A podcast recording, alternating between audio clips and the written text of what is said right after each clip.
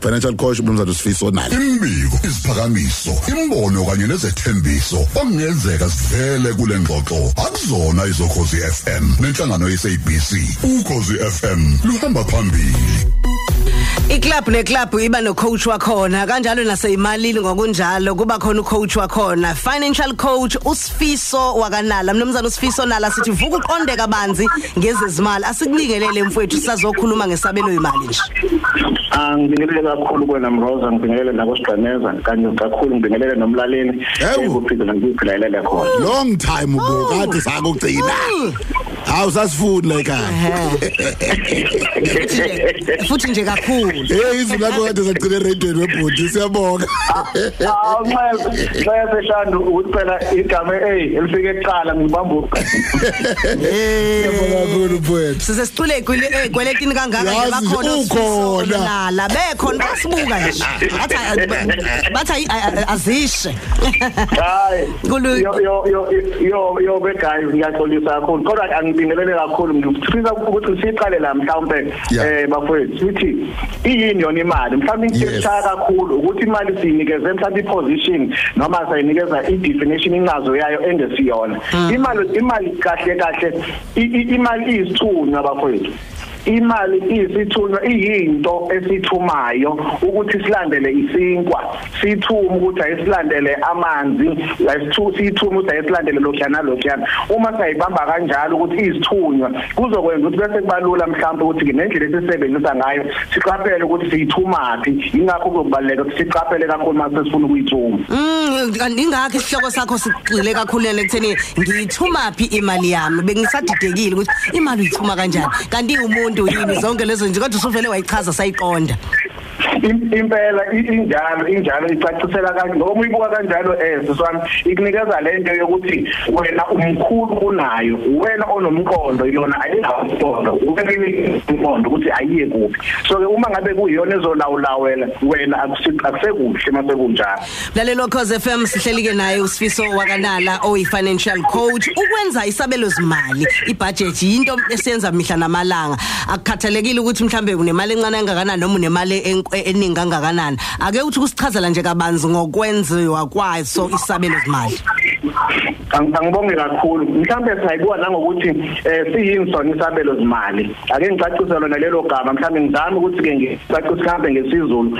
Eh is- isabelo zimali singathi uma sinikeza incazo isilinganiso sengeniso kanye nezindleko esikhathini esithile esisuke sihlelekiwe noma sihle sihleliwe. Okuwukuthi ke singacacisa ngokuthi isabelo zimali kusuke ukuthi kukhona imali esiyilindele engase ifike ngesikhathi esithile ngizoyisebenzisa kanjani leyo mali?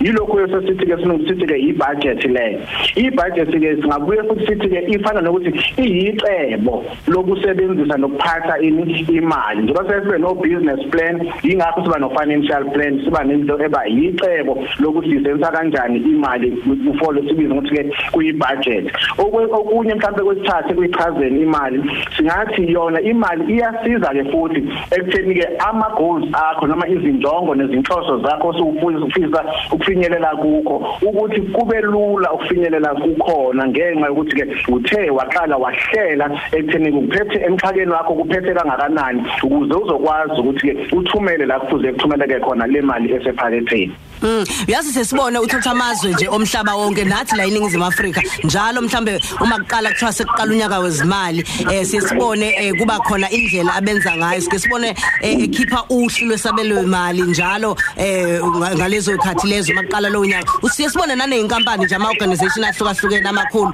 nawo uthola ukuthi ayisebenzisa lento yokuqala eh kohlu lwezimali zokuqala konyaka. Umuntu odayise etafuleni ekhoneni noma nje os- o- othi nje ngusoma business mina ngisayifufusela. Angingene kuyo yonke lento le. Kungamsiza yini kumlekelele naye ukwenza isabelo zimali? U- in- in-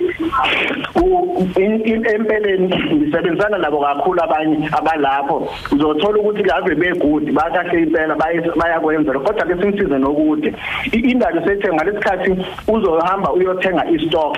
Le ndlela okwenza ngayo uma uyothenga istock wesakho kuyisona osidayisayo kuyiyona ndlela futhi kufanele wenze ngayo uma usubheka impilo yakho. Icabangele njengoba usukucabangela istock setafula lakho ucabangela istock sase tuck shop yakho. Enza kanjalo ke nasempilweni yakho. Ukuthi ke le mali imali engiyiphethe esuke ngithi eyani nayo idinga ukuthi ihleleke ngangokuthi le nto babe ngithi le yokuthenga izinto ayiphumeke le ibe yokuthi yiziphi izidingo nqangi zala endlini. Angibuke futhi la kumina ukuthi yiziphi izidingo mhlawumbe ehambisana nabantwana yiziphi izidingo ehambisana nalokho nalokho ngaleyo ndlela ukuhleleka kwemali kubalulekile kumuntu ke yena futhi othi ke uyadayisa. Asingakubuki sikubukele kude ngazathi into yasesitolo kuphela engisiphethe noma into yasetafuleni lami. Kodwa lawo leyo ndlela oyisebenzisa etafuleni unokuthi siyibuyisele uyisebenzise futhi ke kokwakho ukuphila. Ingakho kubalekile ukuthi ke naye loyo akwazi ukuthi akwenze. Mhlawumbe ngizophinde ngithi eh kokuyikhulu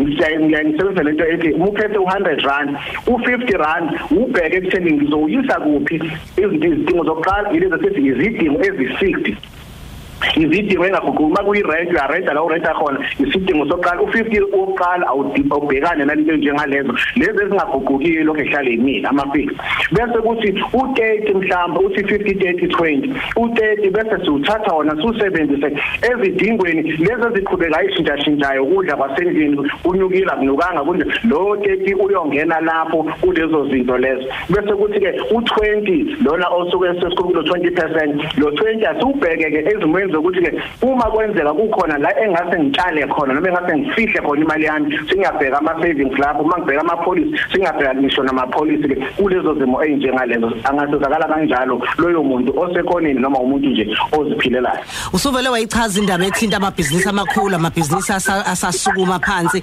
nezinkampani ezinkulu ukuthi uma zingayenzi le budget kuningi okungazilahlekela. Ake sikhulume ngepersonal budget ke manje yami mina uqobo ikakhulukazi ke emndenini. Esikuyona. Ungathi kusizaphi ukuyenza ukuze ngempela sizazi izinto ezingazenza ngemali ngaleso sikhathi nesingeke mhlambe sikwazi ukuzenza ngaleso sikhathi. Ukuhlela nje ikweletu zethu kanjalo nokuthi imali esinayo ingahamba ifike mhlambe kusiphi isigaba? Okay ake sibuke ngicela uyiphendula ngokuthi ngithi Mroza mhlamba sibuke izinhla ezinhlanu izinhla ezinhlanu. Okokuqala ukuthi ingeniso income ingakanani imali engizothi ngibe nayo? Ingakanani imali engizoyiphatha esandleni lapho sibheka ingeniso ekuyilona elizosinikezela ukuthi ezindlekweni siya kanjani? Unumber 2 bese sibheka ke izindleko ezimiyo ezingaguqukiyo. Yiziphi lezi indleko zala endlini zala ekhaya ezingaguqukiyo ezilokho ezimile mhlawumbe ngisakhokhela imoto mhlawumbe ngisakhokhela ukhokhela umuzi lapho izindleko ezilokho ezimile inyanga nenyanga kumele ubhekene nazo. Number 3 sibheka bese sibuka ukuthi yizi yiziphi izikweletu sibheka izikweletu ama-debt zingakanani izikweletu esinazo? Kumele sizikhokhelile onyangeni sizikhokhela ngalesikhathi nangalesiya sikhathi. Siyabheka-ke izikweletu ukuthi-ke zona-ke zingakanani. Unumber four siyaphinde kumele masihleleke endaweni yezindleko ezingosomathuba. Izindleko ezingosomathuba njengokuthi kuthiwe awu bafethu ake sithi ukushisa shisa nje okuthile yabona? Kube khona into esiyenzayo. Asiyibheke ke nalezo indleko lezo eyingena nako entertainment ukuthi awunanti ngathi kukhona iziphuzo zethu lesiphuza amanzi ethu. Ngaleyo ndlela lamanje siwathengayo ngabe ke i drink noma idloboni asazi ukuthi ihlelelwe nayo leyo mali eyongena khona lapho. Bese ukuthi isigaba sesihlanu yilapho khona sesibuka ukuthi ke hey uma kuza ngasekulondolozeni ikuphi la ngase yini ngifuna ukuyilondolozela yilondoloza kuphi? So ngamanye amazwi ama savings ethu siwabuke ngenza siwabuka njengama savings noma siwabuka njengama investment kodwa kubalekile number 5 wethu ukhuluma ngokulondoloza. Icebo ongasinikeza lona noma iseluleko nje ongasinikeza yona ongasishiya naso singabalaleli mayelana nayo indaba yesabelo zimali bese kusala usitshela ukuthi utholakala kanjani.